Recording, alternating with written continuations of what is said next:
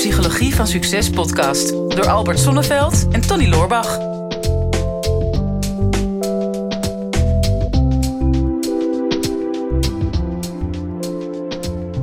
Tony, even zonder ChatGPT. Maar kan jij een ander woord uh, bedenken of een synoniem voor empathie? Empathie? Ja. Um, compassie? Oh, komt al een beetje, een beetje in de buurt. buurt. Ja. Begrip? Mm. Inlevingsvermogen? Heel goed, heel goed, heel goed. Ja, eerst op de zoom moet drukken als je het juiste antwoord weet, Tony. Voelde wel aan dat dat eerste antwoord nog niet, dat dat nog niet was. Nee, nee hè? Nee, nee ja, inlevingsvermogen of, of medeleven is ook zo'n mooie synoniem ervoor, voor empathie. Mhm, medelijden. Mm, ja, daar gaan we het ook nog over hebben. Het verschil tussen meeleven en meelijden. Want uh, ja, dat, dat, is altijd wel een, uh, een beetje een vage grens als je het hebt over empathie. Want daar gaan we het vandaag duidelijk over hebben. Mm -hmm. En um, vind je van jezelf dat je inlevingsvermogen hebt op een schaal van 0 tot 10? Waar zit je dan ergens? ja, dat is wel een gewetensvraag. Ik heb een hele, hele leven grappen over gemaakt over dat ik geen empathisch vermogen had. Oh ja? Is dat zo? Ik denk dat ik het altijd wel had. Maar dat ik het gewoon minder geuit heb.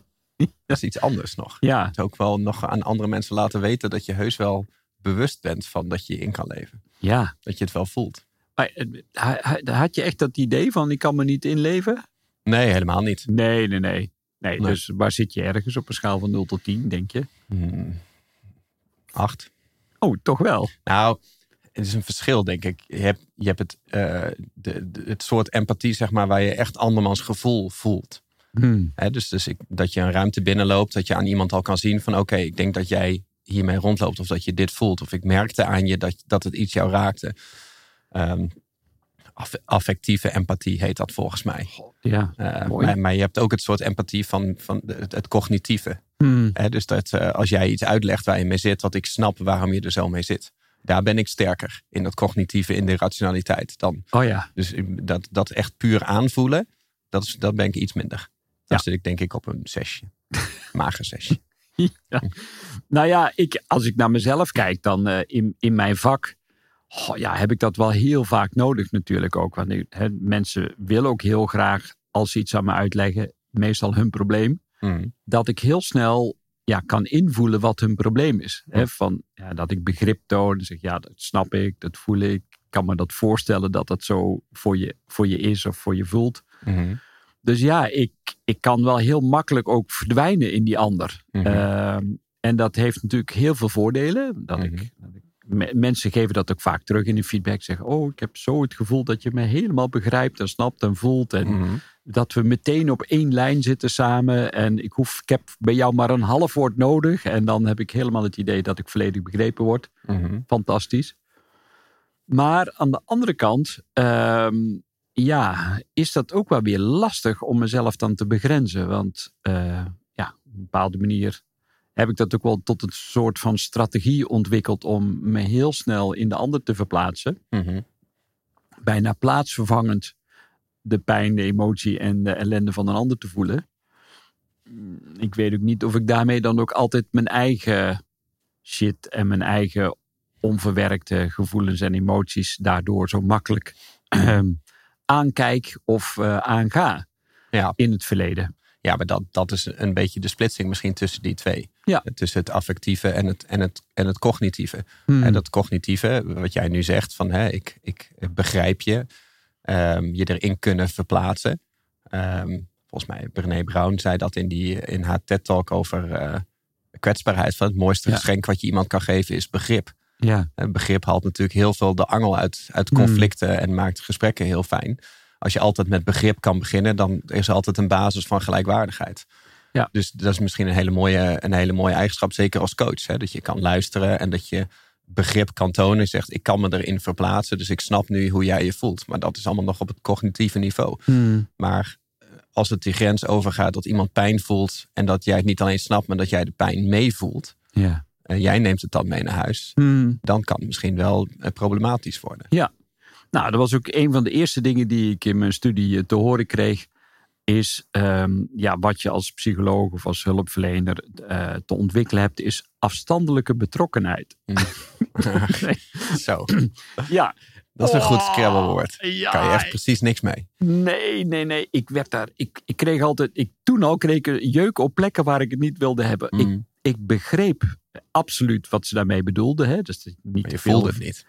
Maar ik voelde het voor geen meter. Dat mm. zit zo niet in mij. Want ik, ja, ik wil die ander ook voelen. Ik merk ook heel vaak in, in coachgesprekken die ik heb met mensen is ik kan mee emotioneel worden. Of als het echt gaat over de essentie, dus mensen echt tot op het bot geraakt zijn door iets, of in één keer een inzicht krijgen van, oh ja, oh, maar nou snap ik in één keer waarom dat ik daar mijn hele leven mee rondgelopen heb. Ik noem het mhm. bijna tot op zielsniveau. Dan kan het zijn dat de tranen over mijn wangen stromen. Dan, mm echt, dan, oh, dan voel ik me ook zo geraakt. En ja, hoe zo afstandelijke betrokkenheid, dat, dat, dat kan niet. En ik mhm. snap ook wel, ik krijg heel vaak te horen ook van mensen die zeggen van Albert, je krijgt zoveel problemen te horen. Uh, en soms ook wel hele intense dingen die ik hoor van mensen. Neem je dat dan niet mee naar huis? Maar ja, op een mhm. of andere manier kan ik dat wel loslaten. Mm. Ah ja, in het verleden hadden wij het wel eens over hè, dat je na een drukke coachingsdag of een drukke coachingweek, dat je wel heel vaak van die migraine aanvallen had. Ja. En toen zei ik wel eens van hé, je bent een soort van messias eigenlijk. Hè? Je neemt al die ellende op je en dat zuig je op als een spons. Ja. En dan is iedereen het kwijt, maar dan heb jij het. Ja. Ja, en, dan, doe jij het boetekleed aan, zeg maar. Je neemt alles op je. En daarna geprobeerd om over water te lopen, maar dan vervolgens verzoop ik. Nee, was je, ja, maar, maar een, volle, een volle spons zinkt. Ja. Een droge spons blijft drijven. ja, ja, dus uh, daar ben ik wel van afgestapt. Uh, dat, uh, dat, Ik heb, ik heb ja, van dat water sowieso. En, en ook van dat. ik heb een, denk ik wel een stuk minder messias gehalte. Je bent wel een tijdje water gaan omwisselen voor wijn. Ja, zeg maar. Je ja, gewoon en geen water meer dronk. Nee, maar daar kreeg ik ook weer migraine van. Dus dat schoot ook niet op. Oh, ja. Nee, maar even zonder, zonder gekheid. Ik, ik voel wel dat, dat empathie is is super handig. Want, en ook heel fijn ook. Want dat is ook wel vaak een klacht die ik hoor van zowel medewerkers als ook in relaties. Hè, want ja, de begeleiding die ik doe bij mensen zit of vaak op, uh, op organisatieniveau, bedrijfsniveau bij CEO's en executives. Maar ja, ook vaak bij relatieproblemen op een of andere manier hoor ik dat ook wel vaak terug. Van mijn partner of mijn collega of mijn medewerker of mijn leidinggevende ja, voelt niks. Mm. Dat krijg je dan te horen. Of ja, die snapt niet wat ik bedoel. Of ik voel me niet gehoord. Of ik voel me niet gezien. Of die kan zich helemaal niet verplaatsen in mij. Wanneer kan iemand zich nou verplaatsen in mij? En, en wat is daar nou voor nodig? Mhm. Dus daarom is het denk ik wel interessant om eens te hebben over ja, wat, wat, wat is nou eigenlijk empathie en, en is dat überhaupt wel te ontwikkelen? Mhm. Denk jij dat het te ontwikkelen is? Ja, ik denk het wel. Het, is, het begint sowieso met een bereidwilligheid om je in de ander te verplaatsen. Mm mensen die wat narcistische trekjes hebben, die hebben absoluut niet de neiging om zich eh, in andere mensen te verplaatsen. Maar mhm. over het algemeen denk ik, ja, openstaan en, en bereid zijn om, uh, om je letterlijk en figuurlijk uh, ja, in te leven. Mhm. Ja, dat is wel een keuze. Om je letterlijk in iemand te verplaatsen. ja. Daar moet je wel open voor staan. Ja, ja het is echt, ja, ik zag, ja, luisteraars kunnen dat niet zien, maar ja, dan begint er een soort grijns op dat gezicht van Tony te denk, oké, er komt weer iets ranzigs aan. Nee, helemaal niet. Nee, jij maakt het ranzig. Ik zeg in principe niks raars. Dus wat jij erbij denkt, en mensen nu, ja. dat maakt het ranzig. Ja, ja en dus bij sommigen wat ranziger dan bij anderen, maar daar hebben wij geen invloed op. Nee, maar goed, het is wel zo, a dirty mind is a joy forever, toch? Ja, uh, klopt. Ja, Nou ja, zeker als je er een beetje in kan verplaatsen. Ja. Mogen nou eindelijk terug naar het onderwerp? Ja, ja. ja Oké, goed, daar gaan we weer. En dus dat, het, het is een keuze. Wat, wat levert het je op, denk je, als je bereid bent om je te verplaatsen in andere mensen? Nou, uh, gewoon het pure het praktische hmm. is dat je natuurlijk uh, heel ander soort gesprekken krijgt. Ja. Uh, gewoon alleen al door begrip te tonen heb je al een basis van gelijkwaardigheid. waardoor je relaties kan, kan verdiepen. Eh, en wanneer je dat afhoudt en, en je niet in iemand verplaatst, je blijft alleen maar bij het, bij het zenden. Dat, dat is een heel hol leven, wat je op een gegeven moment. Ja, ja hoort ook. Maar, ja. dus ik, ik kan beide kanten kan ik wel merken. Ik merk dat het bij mij heel erg veel te maken heeft met de mate van stress die ik heb Oké. Of drukte. En, en er zit blijkbaar ook een verband tussen, kwam ik toevallig tegen. Er is een, een direct verband tussen de mate van stress die je ervaart en de hmm. mate van empathie die je ervaart. Oh, oké. Hoeveel te hoger je stressgehalte of hoeveel te drukker je bent, des te lager je empathie, des te lager je uh, inlevingsvermogen in anderen. Ehm, en ik heb dat ook altijd wel gemerkt. Dat als ik heel druk ben in mijn agenda of in mijn hoofd, dan hmm. ben ik minder bezig met andere mensen. Dan ben ik meer aan het zenden. Uh, bijna als verdedigingsmechanisme dan dat ik rustig luister en me in de ander verplaats. Want dan komen de dingen op mijn pad waar ik geen controle op heb. En daar heb ik even geen, geen ruimte voor. En soms is het al zo makkelijk als letterlijk je agenda vrijmaken, maakt ook de weg voor empathie vrij. omdat je weet dat daar een direct verband tussen zit. Ja, dat is wel heel gaaf dat je dat zegt. Ja, ik, ja, ik denk dat iedereen het wel herkent die nu luistert of kijkt van ja, we hebben het allemaal wel ontzettend druk. Of we doen ontzettend druk. Hè. Mhm. Dat is nog een ander ding. En dat maakt wel blijkbaar dat er minder ruimte is voor de ander. En ik heb het ook wel in andere podcasts gezegd, is dat een van de grootste problemen die er denk ik is in relaties tussen, tussen liefdesrelaties, maar ook het, ouders en kinderen, is dat de, de onverdeelde aandacht, en dat heeft natuurlijk ook veel met empathie te maken, hè, je verplaatst in de ander, is in Nederland gemiddeld nog 10 minuten per dag. En, en daar, ik noem dat wel armoede. Hè? Want mhm. voor mij is, is aandacht een wettig betaalmiddel, zeg ik altijd. Ehm, en ja, wat levert het je dan op om empathie te ontwikkelen? De bereidheid hebben om je te verplaatsen in de ander, daar dus tijd voor te nemen. Ja, dat, dat geeft verdiepende relaties, sowieso. Mhm. niet, maar niet alleen met die ander, maar ook met jezelf. Want via de ander leer je jezelf ook veel beter kennen. Ja, ja, maar wij hebben het in best wel veel podcasts inderdaad naar voren gekomen. Eh, wat bijvoorbeeld de rol is van social media op je, op je hmm. geluk. Heel erg bezig zijn met uh, wat andere mensen van, uh, van je vinden. Ja. heel erg twijfelen aan, aan je zelfbeeld. En ja, je wordt daardoor automatisch, word je ook gewoon ja, toch iets meer zelfgericht hè, of, of ego gedreven. En dat zie je in social media tijdperk, hebben we het een paar keer over gehad. Je ziet het ook aan de hoge mate van singles die er in de maatschappij zijn ten opzichte van hoe dat vroeger was. We krijgen veel meer geïndividualiseerde maatschappij. Dat hebben we nu al. En er komen best wel veel problemen uit, uit die individualisering. Ja. Um, en er zijn inderdaad een aantal, een aantal uh, redenen voor. Maar de oplossing voor heel veel van die problemen die eruit komen, is juist vaak om de om de verbinding weer op te zoeken. Hmm. Ehm, en daarvoor zul je toch wel een klein beetje bereid moeten zijn om je in de ander te verplaatsen. Al was het alleen maar gewoon voor je eigen gemoedrusten, dat, dat waar jij mee rondloopt, waar jij je aan stoort, of het lage zelfbeeld wat je krijgt door al die factoren. Dat dit heel fijn is om te weten dat andere mensen allemaal precies hetzelfde probleem hebben als jij. En dat je daar alleen maar achter komt als je bereid bent om je in de ander te verplaatsen. Ja, nou ja, en, en dan, eh, het gaat er ook over van hoe ontwikkel je dan empathie. Nou, een van de eerste dingen is stoppen met oordelen of vooroordelen. Daar mhm. begint het vaak al. Hè? Dus vaak heb je al een, een vrij negatief zelfbeeld. Mhm. En dan projecteer je dat op de omgeving. Dus dan mhm. heb je vaak al, ja, uh, je vindt van jezelf dat je heel hard moet werken. En als je dan door de stad loopt en je ziet de, de terrasjes vol met mensen die op dat moment niet werken dan kan het nogal snel zijn dat je in het oordeel schiet van ja, die luiwammers uh, of die lamzakken mhm. en uh, het laatste is gaan werken. Mhm. En misschien, als je heel eerlijk bent, moet je wel erkennen van jezelf, denk van ja, geef ze ongelijk, want misschien eis ik wel veel te veel van mezelf en ben ik zelf altijd wel veel te druk. Ja. Ja, maar oordelen is natuurlijk vaak ook wel makkelijker. Hè? Gewoon in plaats van aan jezelf te werken en je zelf, eigen zelfbeeld te verhogen, is het soms mhm. makkelijker om het beeld wat je van andere mensen hebt, om dat, om dat te verlagen. Ja. Hè, er, wordt, er is ook zo'n bekende uitspraak: hè? Never judge a man until you walked a mile in their shoes. Hmm. weet je waarom dat is? Uh, geen idee. Nou, omdat dat, als je dan wel gaat oordelen over iemand, dan ben je dus en al een mijl weg en je hebt diegene zijn schoenen. Dus dat is veel veiliger. Ja, ja, ja, ja. Het is goed over nagedacht. Ja. Nou ja. Uh, gaan, we, verder met je verhaal. ik zie. God, ja, ik moest er even over nadenken. Het ging even te snel. Volgens mij zit jij in een bepaalde verhaallijn die je af wil maken. En zit ik daar tussendoor te storen. Nee, nee, kan je maar lekker. ja. Dat inlevingsvermogen heb ik nu. Ja, ja nou, dat heb je goed aangevoeld. Ja, ja. Nou, sowieso stop het met oordelen. Maar weet je wat ook leuk is om, uh, om je beter te leren verplaatsen in anderen? Is het ontwikkelen van je nieuwsgierigheid.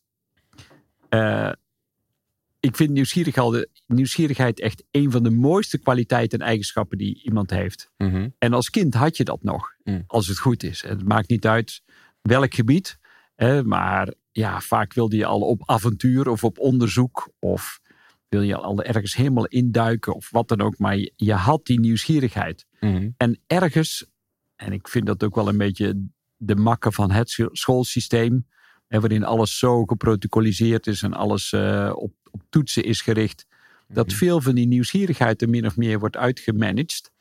Terwijl dat het grootste geschenk is wat je als kind hebt gekregen. Hm. En ja, ik heb het al vaker in een podcast gezegd ook. ehm, Albert Einstein die zei ooit van ja, ik heb geen speciale talenten, maar ik ben gepassioneerd nieuwsgierig Mhm. die nieuwsgierigheid die trekt je als het ware naar andere gebieden, naar andere mensen. Ehm, ja, en als het gaat over het ontwikkelen van empathie, ja, dan is dat een van de mooiste manieren om je ja, te verplaatsen in andere mensen. Mhm. Eh, ik heb heel snel, als ik in een onbekende omgeving ben met onbekende mensen. ja, ik, ik, kan, ik kan, ben altijd nieuwsgierig. Ik was pas, eh, zet ik mijn fiets bij de supermarkt, ging mijn boodschappen doen.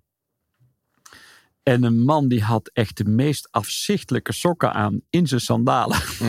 Jij wil dan weten waarom. ja, en dan ben ik er echt nieuwsgierig naar. Ik denk, dan f- heel gefascineerd. En dan die vraag die stel ik. Ik zeg, goh, wat heb je interessante sokken aan? Vertel eens. Ja. Ben je eraan gehecht? Of heb je die cadeau gekregen? Waar, waar, waar heb je die gekregen? ja, ja. En dan ontstaan vaak de mooiste gesprekken. Mm. Eh, dus ja, ik, ik was op Schiphol een, een paar maanden geleden met Ellen. En ja, er zat een, een, een, een ouder echtpaar, ik denk dus achter in de zeventig. Maar hij zat echt van, van, van zijn tenen tot aan zijn, tot aan zijn oren onder de tatoeages. Echt. En dan nog van die lange grijze haren, soort hippie figuur. Maar je kon echt zien, ja, ver in de zeventig, misschien wel tachtig. Mhm. En er was bijna geen stukje huid van hem wat niet bedekt was met tatoeage. Wauw. En zij was ook een soort hippie vrouw. Dat kon je ook wel zien. eh, grijze haren. Maar die twee die waren smoor verliefd op elkaar. En die zaten bijna een soort van in elkaar gestrengeld eh, aan de bar op Schiphol. En ik zeg tegen Ellen, ik moet naar die mensen toe. En eh, eh, ga je dat echt doen? Ik zeg ja, dat, dat, ik, ik, moet, ik, moet, ik moet hun verhaal weten. Ik ben daar zo nieuwsgierig naar. Dus ja, dat is het ontwikkelen van empathie. Dus ik ben er naartoe gegaan en eh, ja, bleken mensen te zijn uit Amerika. En ik zeg, goh, ik ben zo gefascineerd door jullie. Ik zie Mhm. dat jullie op een wat hogere leeftijd zijn en dat jullie nu zo verliefd zijn. What's your secret? Mhm. En er ontstond een prachtig verhaal.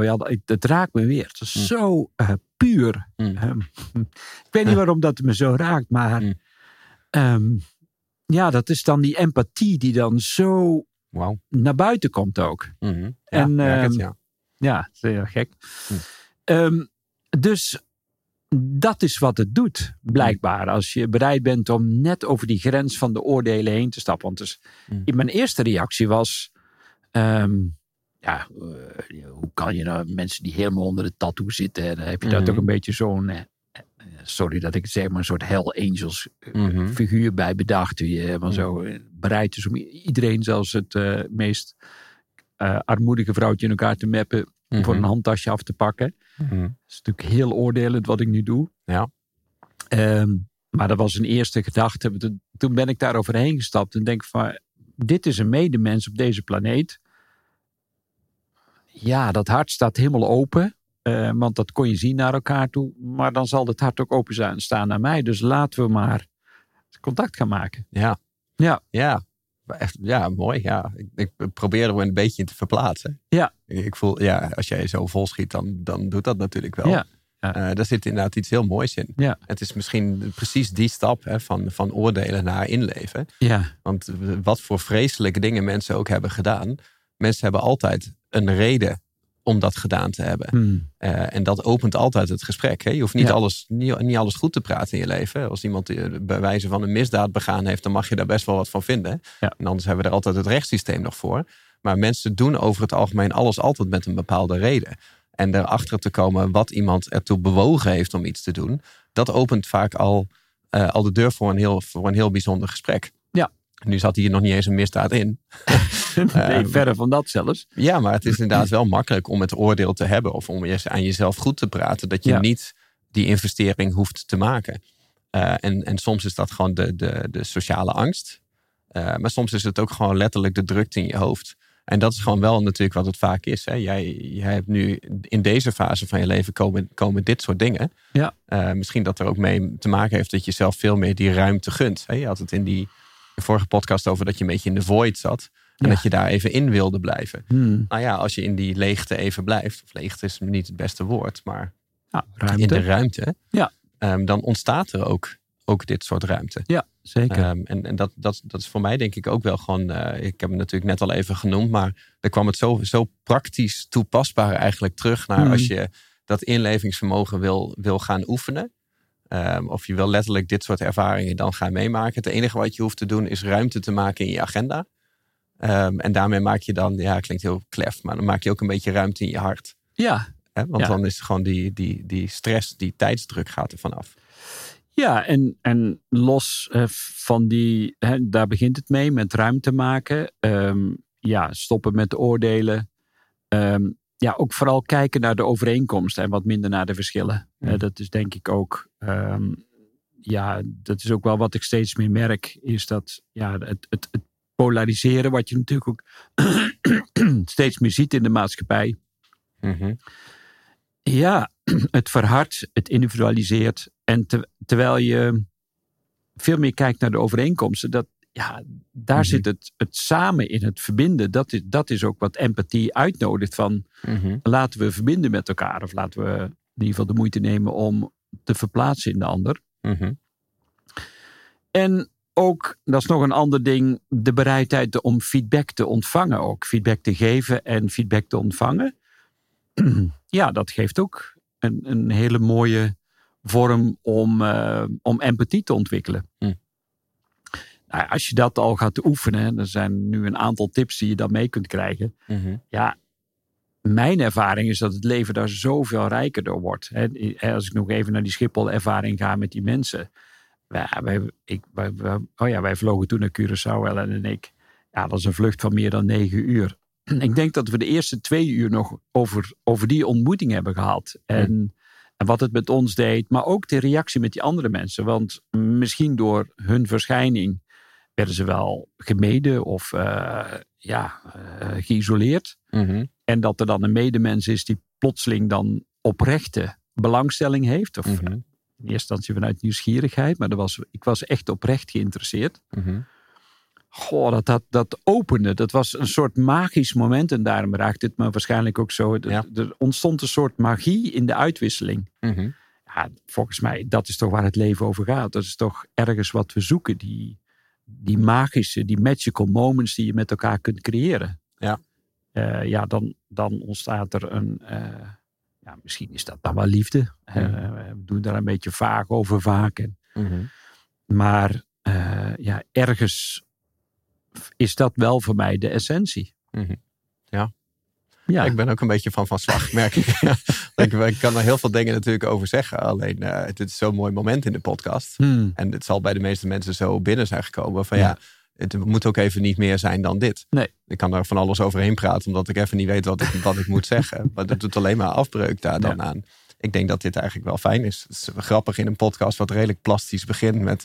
oh ja, we hebben eh, affectieve eh, empathie en we hebben cognitieve empathie. En zo kan je dit en zo kan je dat. En onderzoek laat zien de relatie tussen stress. En dat is allemaal heel praktisch. Maar dit is, wel, dit is natuurlijk wel een hele andere kant. Nou ja, zullen we toch nog een bekrachtigende vraag doen? Om, ja, eh, ik om weet mensen. hoe jij van structuur houdt. Ja, nou ja, maar een beetje om het toch ook wel te oefenen. Hè? Mhm. Want dit, dit is denk ik wel een mooie ervaring die gedeeld is. En tegelijkertijd, ja, als mensen dit echt voelen en zeggen van ja, hoe, hoe kan ik daar dan ook echt praktisch mee aan de slag? Nou, eh, we hebben een van de dingen die we gezegd hebben is van kijk of je wat minder kunt oordelen. En eh, eh, welke voordelen, dit is de bekrachtigende vraag, kan ik ervaren wanneer ik me meer ga verplaatsen in andere mensen? Dus welke voordelen kan ik ervaren wanneer ik me meer ga verplaatsen in andere mensen? Hm. En ja, ik weet niet of we ook nog een, een groeigeluk moment moeten doen. Ik, Ja. denk, ik denk dat jij dat wel weet. Ja, Ja, want ook als ik nee zeg, ga je het toch wel doen. Waarom zou ik ook nee zeggen? Ja, we zijn nu toch bezig. Ja. Nou, onderzoek je grootste vooroordeel ten opzichte van bepaalde mensen. Hmm. En, en welke angst ligt eraan ten grondslag? En ben je bereid die los te laten ten einde een vrijer, spontaner en meer verbonden leven te hebben? Wat ik eigenlijk ook een beetje geschetst heb. Dus het gaat over welke grootste vooroordelen heb je ten aanzien van bepaalde mensen. Mm Kijk naar je eigen angst die daarbij hoort. En uh, ja, wanneer je die durft aan te kijken, zul je merken dat je het na veel meer ruimte ervaart in je leven.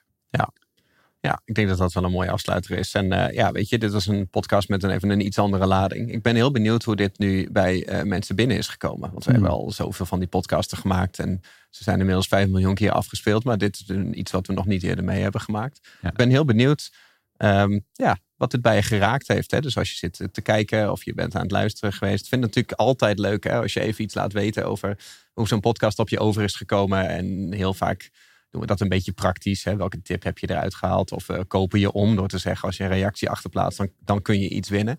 Uh, maar misschien is het nu wel fijn om gewoon even extern te maken wat je, wat je gevoeld hebt. Ook omdat het heel erg bij dit onderwerp uh, hoort. Hè? Je zult ongetwijfeld deze podcast, als je hem geluisterd hebt, zal het iets bij jou hebben losgemaakt.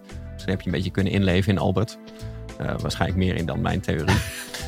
en heeft dat iets bij geraakt. Dus laat het even weten. Dus haast je even naar YouTube. En uh, laat even een reactie achter ja, met wat je wil over deze podcast. Zouden wij ontzettend waarderen. Dit is de Psychologie van Succes podcast door Albert Sonneveld en Tony Loorbach.